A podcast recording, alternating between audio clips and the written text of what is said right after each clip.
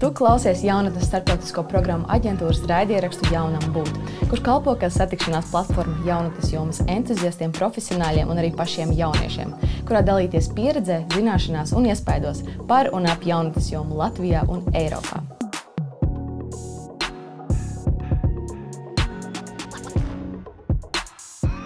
Mans vārds ir Monika Martinso, un šodien par tēmu iekļaušanu un dažādību mēs runāsim kopā ar diviem viesiem.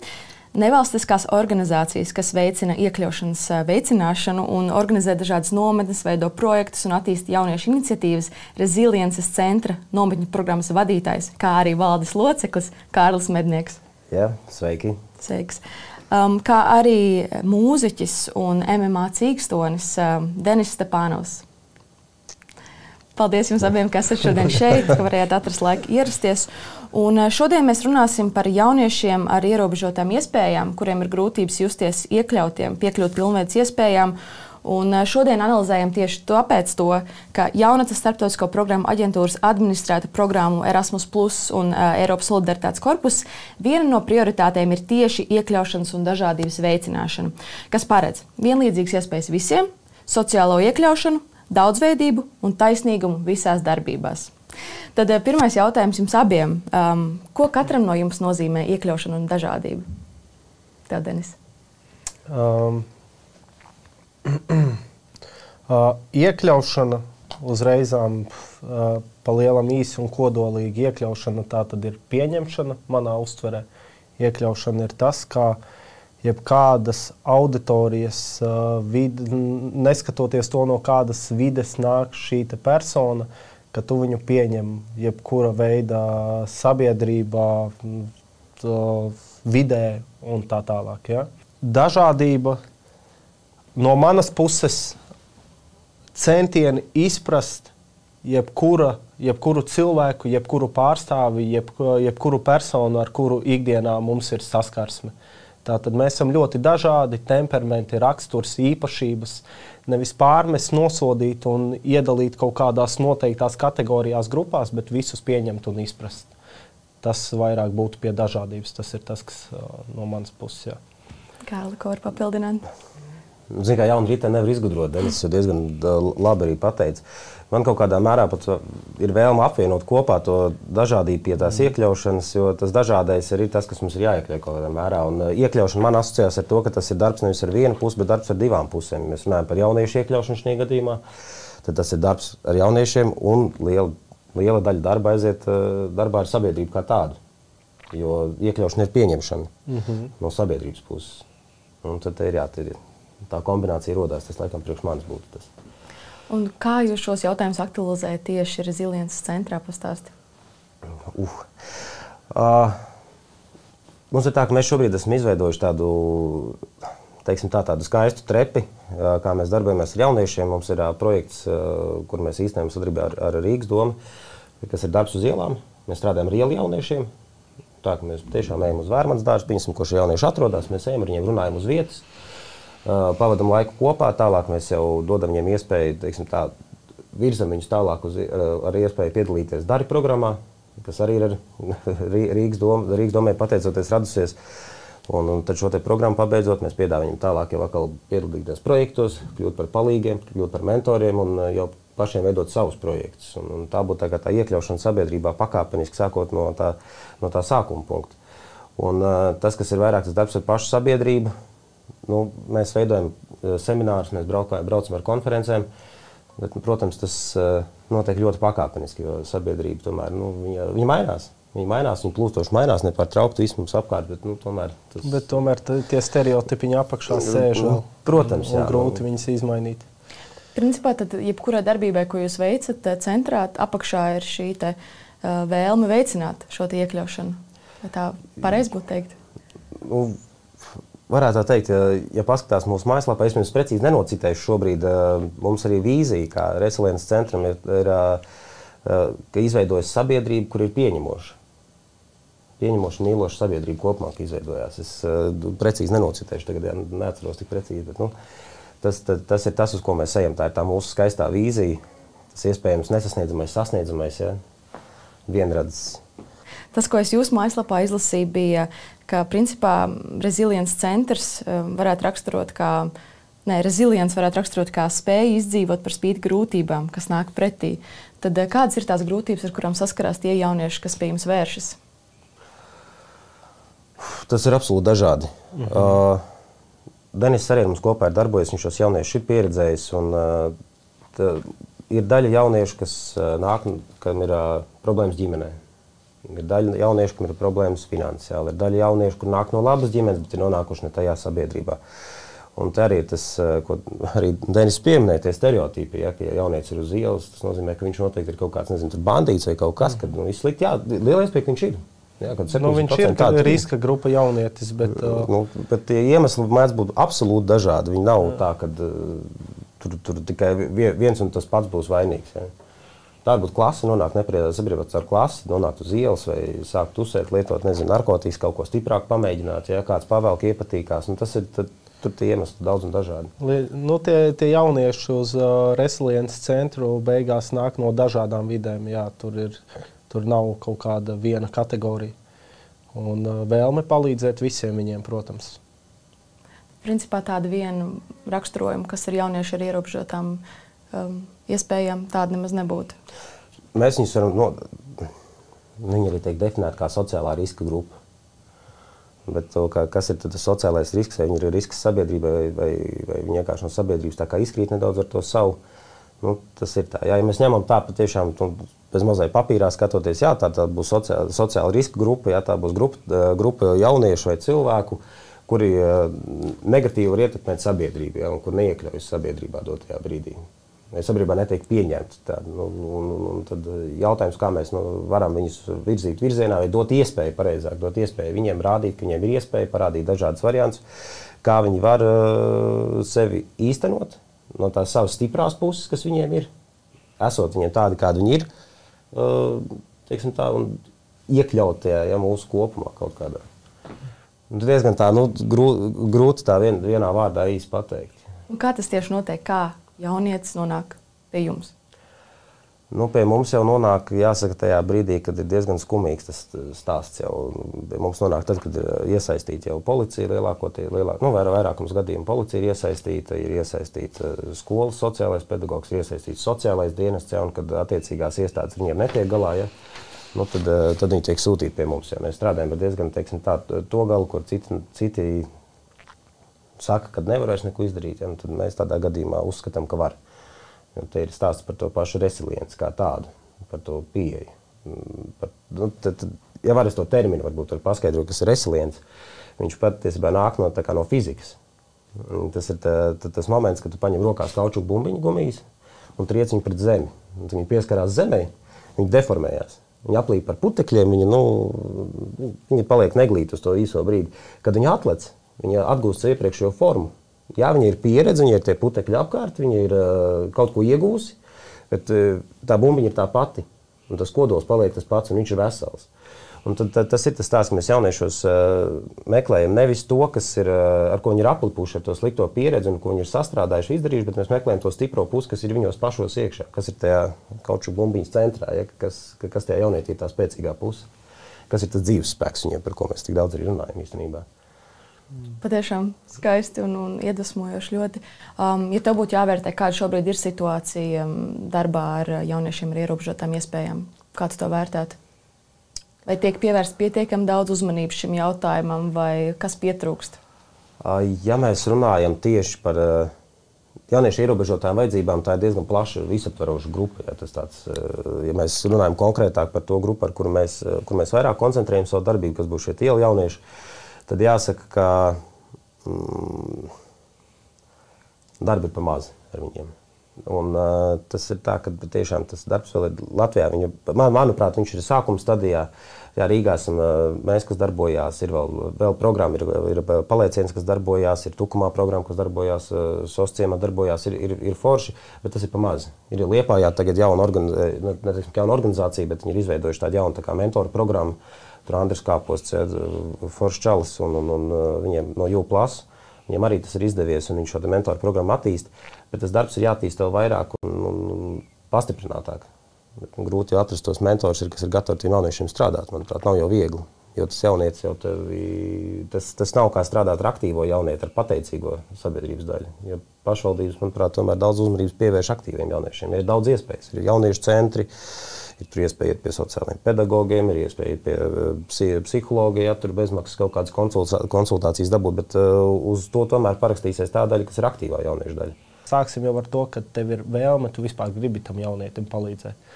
Es domāju, ka jebkurš no mums uh, pazīst, vismaz vai, vai kaimiņos dzīvo, vai ir dzirdējis par kādu jaunieti, kurš ir aplipis ar šīm visādām problēmām un nesmukumiem.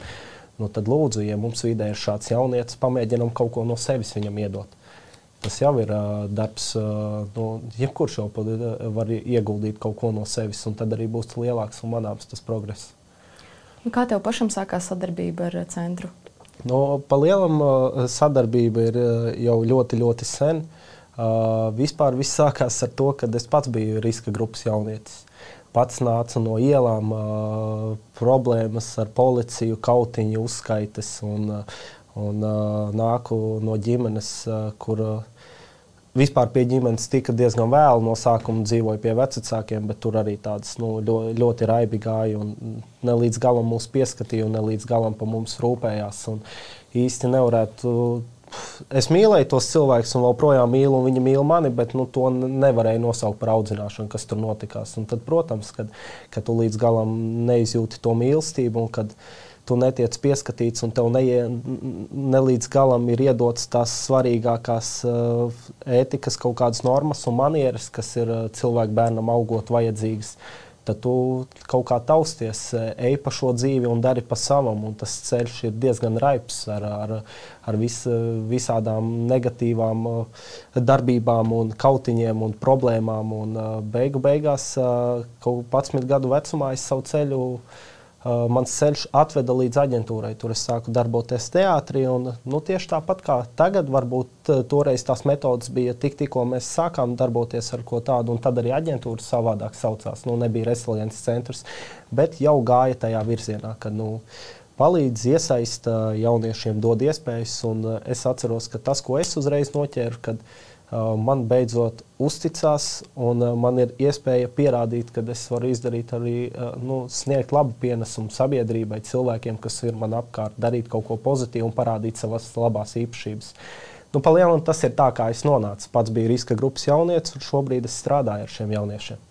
Zini, kas man šķiet ir svarīgi, runāt par tām grūtībām, ar kuriem jaunieši, kādā, gan arī kad, kādā tu biji situācijā, ar ko tieši šādi jaunieši saskarās ikdienā. Kas bija tās galvenās grūtības, jo bieži vien tie cilvēki, kas nav bijuši šādā situācijā, nemaz nevar iedomāties, kas sagādā ikdienā grūtības. Zinat, ko, kas ir ļoti svarīgi, ko es esmu piefiksējis arī savā situācijā?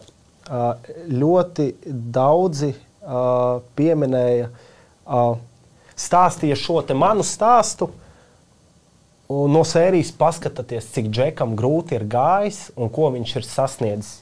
Bet es neuzskatu, ka tas ir līdz galam pareizi. Uh, to es arī pie Jāņa Krīvēna, šautauts Jānim, uh, Pāļa bazarā pieminēju šo salīdzinājumu. Tātad cilvēka nervu sistēma un cilvēka bioloģiskā uzbūve pa, pa lielam ir ļoti, ļoti līdzīga. Un uh, tas, ko jaunietis piedzīvo bagātā ģimenē kaut kādi pārdzīvojumi, ne tādi, kas ir nabadzīgā ģimenē. Nu, tur man salīdzinājums bija rekurors puika, kas nav pāēdis dienām. Viņš, kas nav pāēdis dienām, tādā turīgākā ģimenē, meitene, kurai nolūzis naktis, viņa var uz, uztvert to tikpat grūti kā tas džeks, kuram ir apstākļi, kur viņš netiek pie maltītes normāls. Nu, ko es ar to gribu pateikt? Kad, uh, vajag mēģināt izprast visus cilvēkus. Tu jau nezini, kas tur iekšā darās. Vienalga no kādas vidas tu nāc, tā sāpe var būt viena uh -huh. un tā pati. Vienkārši ir dažādas kategorijas, bet nu, tā bioloģiskā uzbūve jau ir viena un tā sāpe ir viena. Līdz ar to es arī visu laiku piebilstu kaut kādās intervijās, kad runa ir par manu stāstu. Es negribu, lai mani kāds žēlo un saka, ka jā, man ir viss gājis. Man ir gājis tikpat sūdzīgs kā visiem, kuriem ikdienā ir savas problēmas. Bet centieni izprast to cilvēku un palīdzēt, tas ir tas galvenais. Vienalga no kādas vidas tu nāc. Nu, tā kaut kā. Kārli, kā tu to komentētu? Es šajā gadījumā pilnīgi piekrītu Denisam, jo arī jaunieši, kas šobrīd mums uz programmām nāk, īstenībā mēs jau nerunājam tikai, kā jau iepriekš minēju, tie nav tikai jaunieši no tieši no, no riska ģimenēm vai no vai no maznodrošinātām ģimenēm. Mēs runājam arī par jauniešiem, citu, kas nāk no turīgām ģimenēm, kas nāk mm. no labām ģimenēm, tā, kur audzināšana, es neteiktu, ka būtu slikti, pieņemsim, mm. bet tāpat šim jaunietim ir depresija. Uzmet kaut kādā posmā, kaut kur viņš bija bērnībā, vai kur viņš izgāja cauri kaut kam tādam, kas viņam atstāja šo te, nu, traumu, kaut ko, ka viņš netiek pāri. Un, un, jā, tas noteikti nav rādītājs. Tas, tu, tu, tu, jā, tu, tur ir, protams, tas savs Ah, cik kuram tas uzskatām parādās? Piemēram, Denis gadījumā nu, tas ir diezgan uzskatām, to var pateikt. Ja, nu, kad patiešām tā, tā, tā ir, ir iet cauri grūtībām, bet nu, piemēram, tur ģimenē, kur bērns ir audzis labos apstākļos, un, kā Deņķis jau minēja, ja tur meitenei naktas nolūst, vai viņa skolā dabūs sliktu atzīmi, vai kaut ko viņai tas var būt tikpat smags trieciens, cik kādam Jā. citam, ja tur vispār staigāt bez kedām. Ja, vai, Nu, tas... Jā, ļoti, ļoti pareizi. Tieši tāpēc nav, ko es bieži vien esmu dzirdējis vispār sabiedrībā. Ko tu vispār zini no grūtībām, ko tu zini no problēmām? Tu neesi piedzīvojis to, ko es dzīvē piedzīvoju. Nu, nevar tā teikt. Tu nevari ielīst tā cilvēka ādā. Tu nezini, kā viņš jūtas. Bet varbūt viņam tiešām ir sūkļi. Mēs to nevaram zināt. Mēģini nevis dzirdēt, bet sadzirdēt to cilvēku un palīdzēt, ja tev ir iespēja. Tad tieši runa, ir par iepriekš minēto dažādību. Un ka ir dažādi dzīves stāsti, un, un tomēr, Jā. kā jau minēji, mēs visi kaut kādā ziņā esam līdzīgi. Protams. Jā, Protams. Tas, mēs Reslīnas centrā vienotājiem sakām, ka kat, eh, katram ir savs dzīves stāsts un katram arī ir savs dzīves spēks. Katram ir savs dzīves spēks, kas viņu ir uz priekšu, un katram viņš ir individuāls. Viņš nebūs vienāds. Katram ir savs kaut kas iekšā, Protams. kas ir tas, kas viņu dzēn uz priekšu. Savs, eh, ar kaut ko mēs katrs esam unikāls. Tā ir. Jā. Es domāju, tas, kas mūs visus vieno, ir tas, ka bieži vien mēs nonākam situācijās, kurās ir jāizvēlas viens vai otrs ceļš. Viens no tiem ir padošanās, varbūt, un, un, un necīnīšanās par sevi, un otrs varbūt ir tas, ka tu tomēr izvēlies uh, noticēt sev un, un, un, un cīnīties. Um, kā tu to esi novērojis, Denis, um, jā. nu, sevī tas, vai citos? Nu, tas ir stāsts jā, par katru cilvēku. Tā, tā, tā, tas ir indu, in, individuāli, kā tu, kā tu jūties ar sevi. Ja ir darbs tātad par apkārtējiem cilvēkiem, tas ir tas, ko mēs visu šo ievadu laiku runājām. Kad jā, centieni palīdzēt, nevis dzirdēt, bet sadzirdēt. Ja? Bet, ja ir stāsts par sevi, tad nu, ko es varu piebilst tiem, kuriem var, kuri varbūt ir šīs izvēles priekšā, nu, padoties vai iet uz priekšu priekšu. Um, Man nesen bija ar vienu meiteni arī saruna starp citu par šo pazīstamu meiteni, kur atkal nonāca ļoti, ļoti tādā tumšā situācijā dzīvē un iekšēji jutās ļoti slikti un aizgāja jau par suicīdiem. Tātad sarunas jau, ja. Un, uh, nu, man tajā brīdī uzreiz, nu, es negribēju banālās frāzes, viss būs labi, aiz, aiz, aiz negaisa aiz uh, mākoņiem vienmēr ir saule un tā tālāk. Bet es mēģināju tiešām no sevis kaut ko iedot. Un tas, ko es pateicu, nu, es, es, pir, pirmā frāze, ko es izteicu, ka nu, nebūs viegli šajā dzīvē. Nu, būs būs sūkļi. Nu, tie visi ir šķēršļi, un iespējams, ka kaut kad nākotnē būs vēl lielākas problēmas, un tā sajūta būs vēl drausmīgāka nekā viņa ir šobrīd. Uh, Bet uh, tajā brīdī nu, ir kaut kā jācenšas sevi motivēt un domāt par tām krāsām dzīvē. Nu, tās krāsas, kas ir jebkas, kas, kas tas var būt jebkas, tā var būt personība, darbība, cilvēks, notikums, kaut kādi nākotnes mērķi, tie var būt tavi ģimenes locekļi. Tas var būt kāds aizgājušais cilvēks, kuram tu pie sevis esi solījis. Tā cilvēka dēļ, tās dvēseles dēļ es nepadošos, kas ir mans stāsts. Man ir mātes eh, tetovējums uz pleca. Um, Māma aizgāja no šīs pasaules, kad es uh, piedzimu tik, tikko. Bet, uh, uh, nu, vispār tas stāsts, tur arī mans iedvesmas stāsts sākas saknē no tā brīža, kad piedzimu un aizgāju mammu. Es aizvadīju cīņu arēnā 2019. gada 23. martā, un tur uz to cīņu atnāca tribīnē, sēdēja mans ilgi neredzētais tēvs. Uh, Un visi man tur apskauja un nāca focēties ar šo cīņu, uzvarēju. Visi tā lepojās un priecājās. Un pāri pleciem es redzēju, skatiet, tur uz manu pusi skatās mans tēvs. Es piegāju pie viņa, viņš man apģērba un viņš teica, cik ļoti es ar tevi lepojos. Žēl, ka mamma nav šeit. Un es viņam pateicu, mamma šeit nav, lai mēs ar tevi varētu būt te. Ja mamma, nebū, ja mamma būtu te, iespējams, mans dzīves stāsts būtu daudz savādāks. Iespējams, ka es neiedvesmotu tik daudz dvēselītes. Tāds ir mans liktenis, tāds ir mans ceļš. Un tātad par to individuālo runājot, kā tu jūties, kur ir šī izvēle, iet, kā padoties vai iet uz priekšu.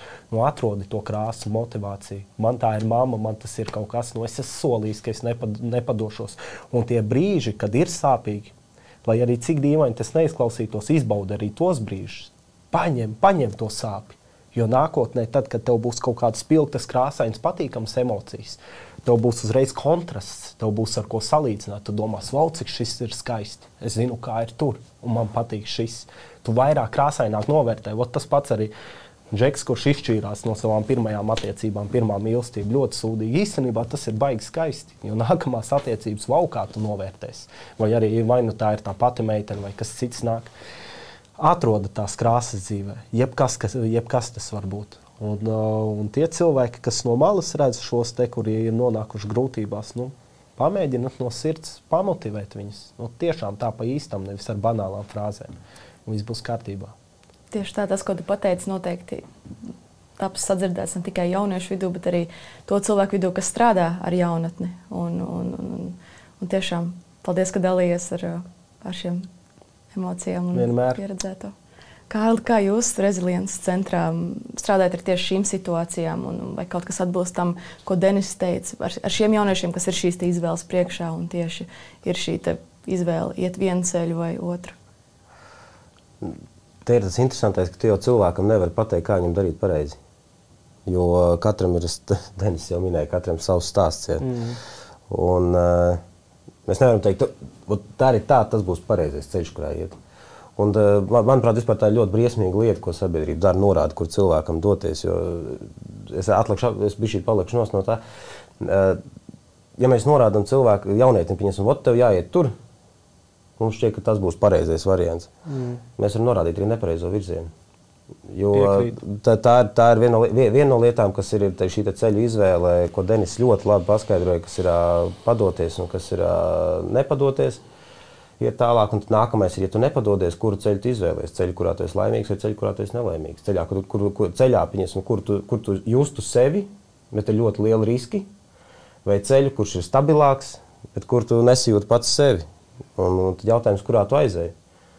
Un, ja tu aizēji tajā ceļā, kur piemēram, sabiedrība tev piespiež, kur, eh, kurā tu patiešām pat jau iekšēji dziļi sevī zini, ka tu īsti laimīgs nebūsi, mm. par to nebūsi apmierināts pats ar sevi, tad, nu, tad palielam tas ceļš arī tādā riņķītī smuki pēc tam lielu daļu noved atpakaļ tajā sākuma punktā, ja, tad mēs varam nonākt vēl smagākā situācijā. Pat. Un viens no paplašināšanās veidiem, iespējams, jums būtu arī tāds, ka jaunieši tiek dažādos veidos piesaistīti jums, vai, vai tas arī ir viens no jūsu mērķiem, ka ne tikai viņi nonāk pie jums tad, kad šī situācija ir pienākusi, bet arī, kad paši Jā. vēršas? Uh, ir šobrīd īstenībā pēdējos gados jau mums ir šī iezīme parādījusies, jaunieši paši nāk. Jaunieši patiešām ir paši nāk, tas ir salīdzinoši mazs skaitlis no kopējā, kas mums programmā atrodas. Uh, Bet, jā, jaunieši paši nāk un viņi paši piesakās. Šobrīd mēs arī, kā es tik, tikko minēju, mēs stabilizējam šo trepīti, ka mēs no ielas jauniešiem jauniešus kā, virzam, dodam iespēju, pat mēs dodam viņiem iespēju uh, izvēlēties, uh, pamēģināt šo ceļu un redzēt, redzēt dažādas iespējas. Un tas darbs šobrīd ir tāds, ir, jā, mēs uz ielas strādājam. Un, uh, es jauniešiem arī jauniešu prasu, un es arī stāstu par tām iespējām, ko mēs vēl piedāvājam. Un, un, un, bet tas ir tāds, protams, tas ir ilgtermiņa process.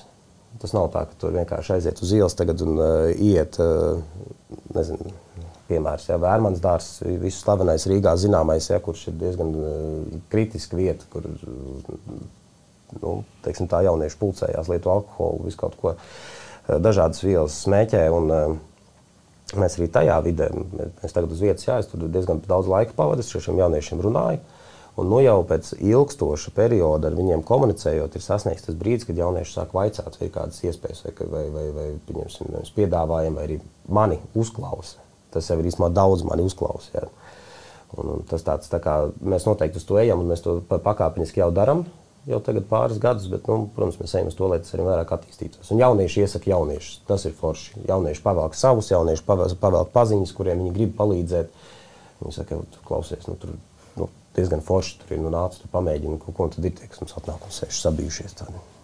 Nezinu, ko darīt tagad, ja, kas tagad būs, kas viņiem notiks. Nu, ko jūs darat tādā situācijā? Baigi atkarīgs no tās situācijas. Uzspēlējam improvizācijas teātrī. Jā, uzspēlējam improvizācijas teātrī, kas ir kā, tas uh, mans lauciņš, vairāk vai mazāk arī ar improvizāciju darbojos un teātrī sportu. Uh, Vispār tā pirmā satikšanās, ja mēs runājam konkrēti darba programmas ietvaros, katras programmas sākums ir absolūti unikāls. Uh, ir reizes, kad ienāc telpā un to jaunieši tur ir sanākuši lielākā daļa.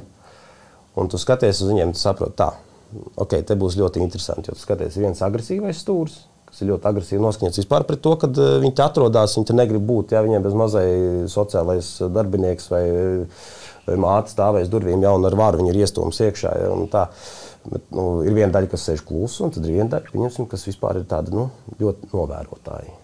Ja, kas skatās uz augšu no tevis. Nu, tā, nu, ko tu tagad, uh, mazliet, ko tu suns man rādīs, ko, ko, ko, ko, ko tu tad iemācīsi? Ja? Un tā, un tad ir tas brīdis, jāmeklē šo kopīgo valodu visiem.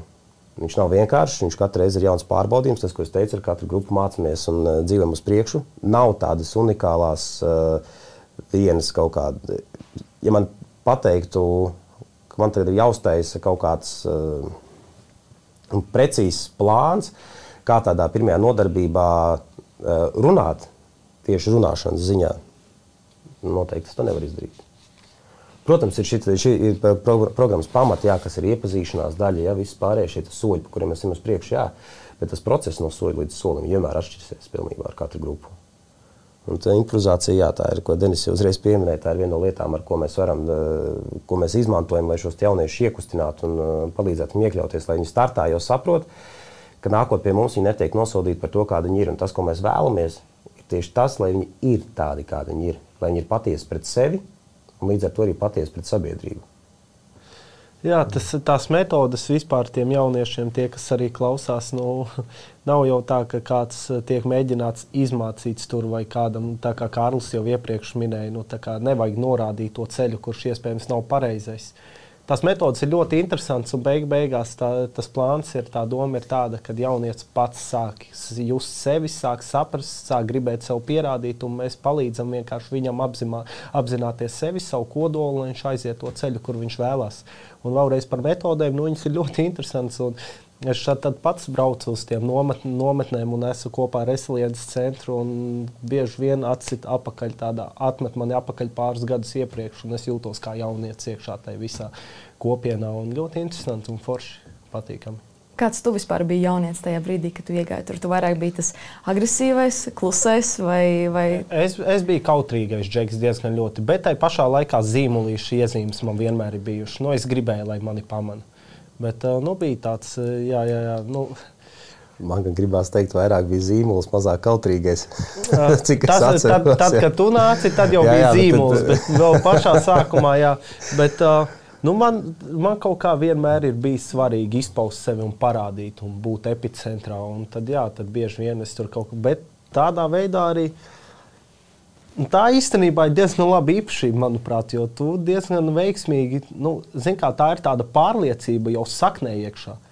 Tāda, tāda zīmēšanās un centieni sevi pierādīt. Tie, kuri mēģina sevi pierādīt, viņiem arī visticamāk ir ko parādīt.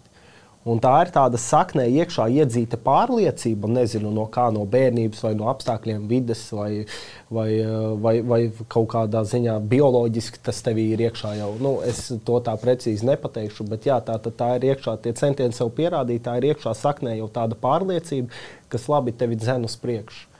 Un tad arī tu audz un tu saproti, vairāk sāc ticēt sev, saviem, savām spējām, un tev vairāk aug ambīcijas no visa, ko es esmu izdarījis šeit, Latvijā. Man vispār tie ir pāris procenti no manām ambīcijām un mērķiem, ko es vēl gribu sasniegt. Vēl, nu, es neesmu pat pusē. Tā kā, nu jā, bet kautrīgais zīmolītis bija.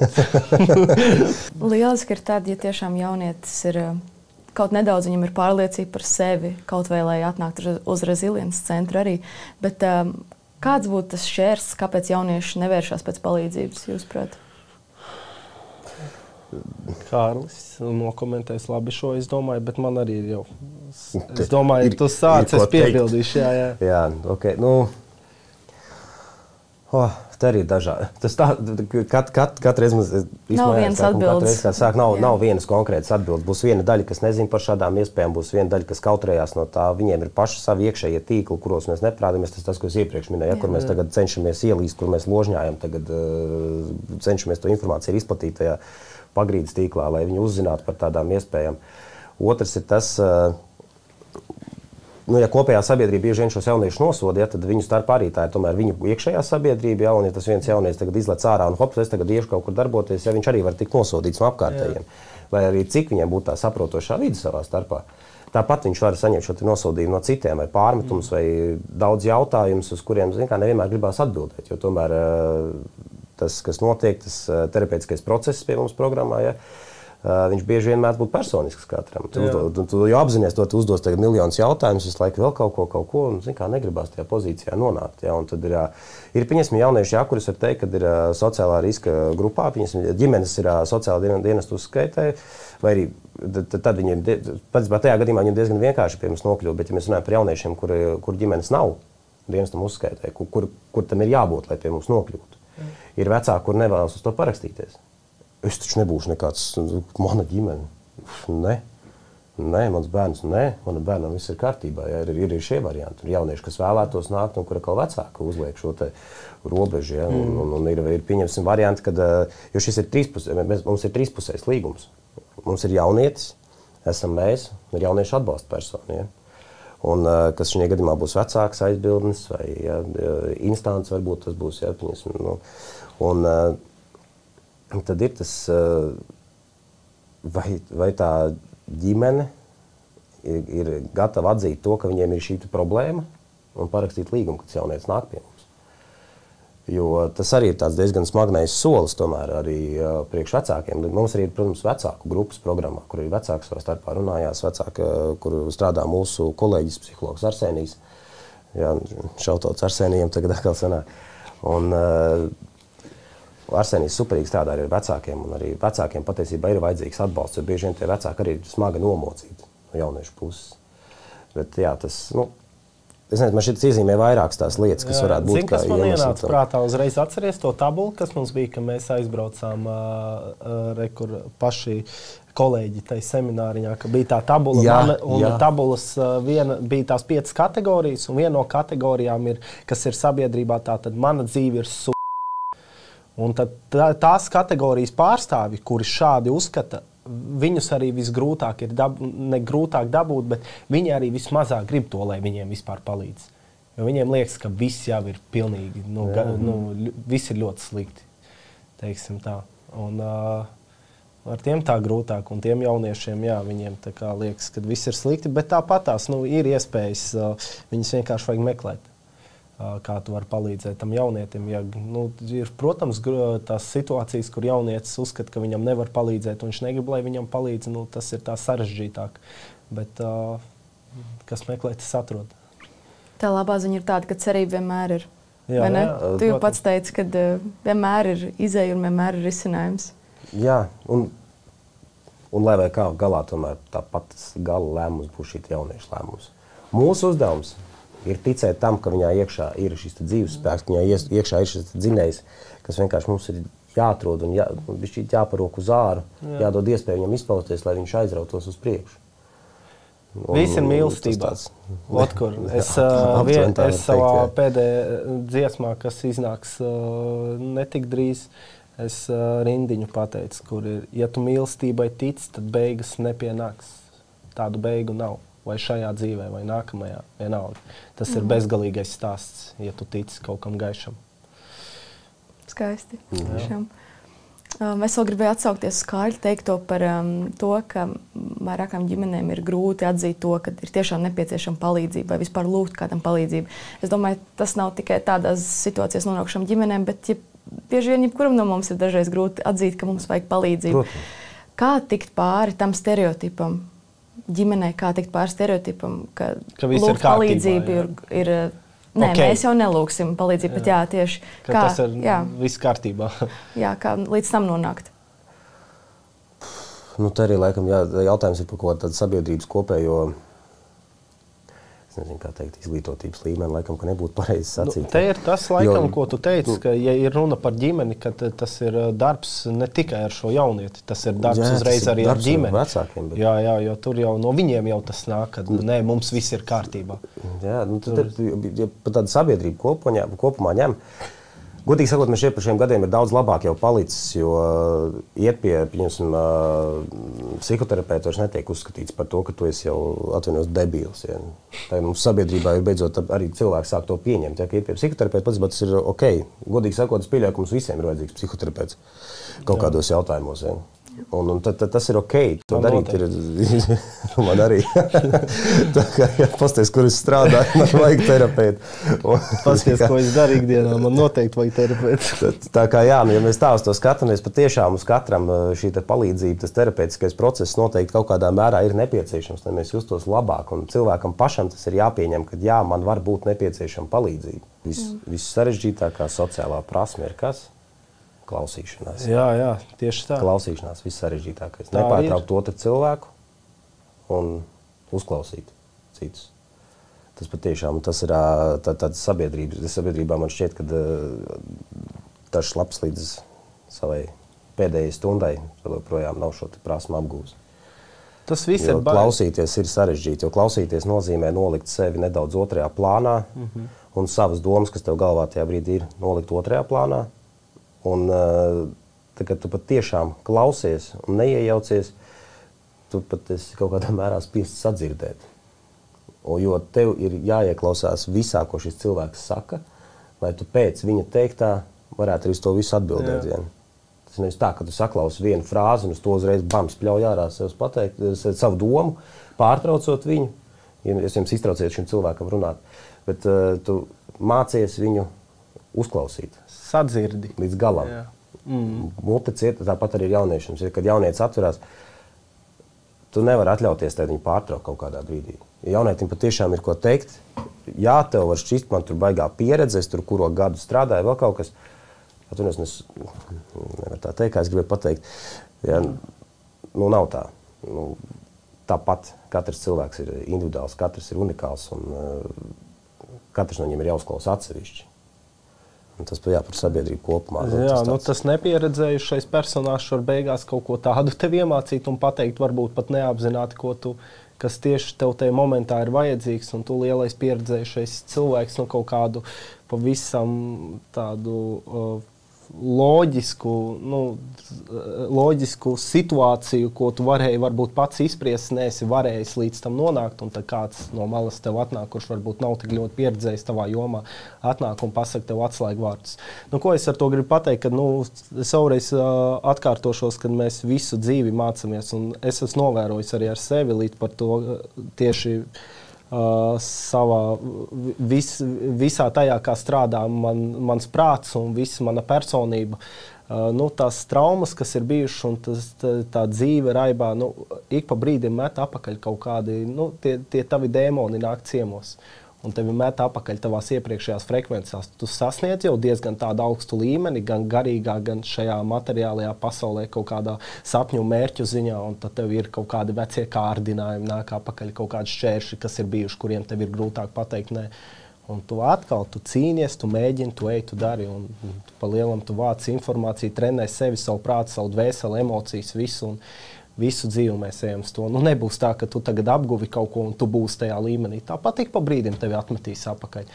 Viens solis, ne, divi soļi uz priekšu, viens solis atpakaļ. Ritms nav tik svarīgs. Ja tu beigās dabū ievilkt gaisu, svarīgs ir tas kaifs, kad uz galda uzliec maizi savu tuvinieku sejās, redzēt laimi, to man vajag. Tā es gribēju pateikt. Tevi. Vai jūs, prāt, cilvēku nespēja sadzirdēt, ir tas, kas šobrīd jauniešiem ar ierobežotām iespējām traucē iekļauties sabiedrībā? Tie, kam vajadzētu par to rūpēt vairāk, viņi nespēja sadzirdēt? Vai tā tas būtu? Un uzklausīt, eh, oh. kāda ir tā situācija. Tas Vien, būtu tas, kam jāmainās. Viens no. Tas noteikti varētu būt viens nu, no. Viens no noteikti, tas jā. ir viens no. Protams, ja mēs ejam, ejam tālāk, tad ir jautājums par pašu darbinieku, kurš strādā ar jaunieti. Ja tā, trepa ir milzīga. Ja, sākot ar uh, to, kas ir cilvēks, kurš strādā tiešā kontaktā ar jaunieti organizācijā, kurā viņš darbojās, vai, vai, vai, nezinu, vai tas ir uh, nevalstiskais sektors vai valstiskais sektors, ja, tur ja mēs ejam tālāk, kur ir finansējuma jautājumi. Un šīs lietas tur patiesībā ir ļoti, ļoti, ļoti daudz, kas, kas ir uh, fonā tam. Bet, nu, protams, tas pamats patiesībā veidojas jā, šo, šo cilvēku un jaunietu apakšā. Nu. Un tā ieklausīšanās, jā, protams, ir svarīga. Jautājums, kurā posmā no visiem, kas nāk pēc tam uz augšu, mēs tā pat repītējam uz augšu, kurā posmā nesadzird un kurā posmā neieklausās. Jo kaut kur noteikti starpētis notiek. Un vai nu tas pazūd kaut kur, eh, kā mēdz smieties, gaiteņos, ja? no viena kabineta līdz otram neaiziet, vai kaut kur pie cilvēkiem neaiziet. Tā ir problēma, kas notiek, un, un, un tā, tā tas ir. Tas arī ikdienā mums ir. Ja? Tur varbūt kāds ir tagad teikt, nē, mums tā nenotiek. Tur, padusmoties pie sevis uz mani tagad, bet nu, tā tas ir. Informācija mums zūd. Denis, kurā brīdī tu sajūti, ka tu esi ticis sadzirdēts un, un noteikti to jūti? Kad tas bija? Tie ir bijuši vairāki momenti manā dzīvē. Nu, svarīgie cilvēki, kurus es esmu saticis, tuvākie draugi. Visi, visi, kas vēl projām spēlē ļoti svarīgu lomu manā dzīvē, un varbūt ar kādu uh, nesanāk ikdienā vairs komunicēt, bet tāpat tās nu, ir tādi kaut kādi momenti dzīvē bijuši, kad nāca cilvēki un uh, lika man saprast to, ka es esmu sadzirdēts, un uzreiz es varu iemest, ka nu, spilgtākais moments man ir uh, nu, mana auģumā Mārija Martukānijā, kas mani savā ziņā izglāba un izvilka no vides, kurā es biju. Viņa vienkārši redzēja puiku, uh, tāds, nu, graustu miljonārs stāsts no sērijas. Redzēju puiku, kurā ir potenciāls, un kurā ir dvēselīte, un kuram varbūt vajag palīdzēt, bet neviens īsti nav pievērsies tam un to neredz. Un es esmu tajā vidē, kurā es esmu, un nav kas man izvelk ārā. Un tad atnāca arī Marta Kanta, kas, kas, kas kaut kādas manas dvēseles sauciens varbūt sadzirdēja. Un tad diezgan grasi manā dzīvē viss sāka mainīties.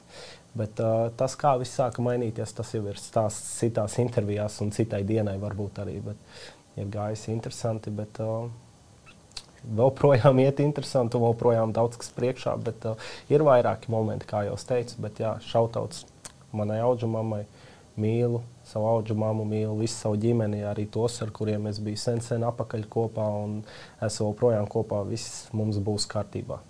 Un tiešām mūsu sabiedrībā ir cerība, un mūsu, mūsos visos ir cerība. Un, uh, to ne tikai parāda tas, ko mēs šodien izrunājām, un, un, un šādās līdzīgās diskusijās, kas paceļās, bet arī tas, ka jaunatnes starptautisko programmu aģentūras dati liecina, ka laika posmā no 2014. līdz 2020. gadam trešdaļa Latvijā apstiprināto projektu ir bijuši vērsti tieši uz uh, sociālo iekļaušanu.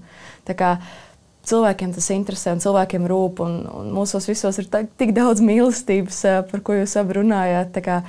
Viss būs labi, Protams. un uh, mums visiem viss izdosies. Ja tu un... mīlestībai tici, tad beigas nepienāks. Un uz šādas pozitīvas nots um, sarunu arī noslēgsim. Es saku lielu paldies uh, abiem šīs dienas viesiem. Kārlim Medniekam no Resiliences centra un Denisam Stepānovam, reperim, mūziķim un cīkstonim. Un vienkārši pašam cilvēkam. Paldies, jums. paldies, un arī tev, Kārl. Paldies jums abiem tiešām par, paldies, kolēģi, par patīkamu sarunu. Mums jākal būs, jā, mēs dodam vaļā. Kā paldies tev, ka skatījies. Un, ja tev interesē vairāk par programmām un projektiem, ko piedāvā JSPA, noteikti apmeklē jaunatne.go.lv un noteikti atradīsi sev piemērotāko, kā arī, ja tu esi situācijā, ka tev ir nepieciešama palīdzība, nebaidies to lūgt vērsies pie Denisa vai pie Kārļa un pie Resiliences centra. Noteikti meklē palīdzību. Un, Mēs to visu kopā atrisināsim. Mans vārds ir Monika Martinso, es esmu šī raidierakstu moderatore. Saku tev lielu paldies vēlreiz un uz tikšanos citreiz!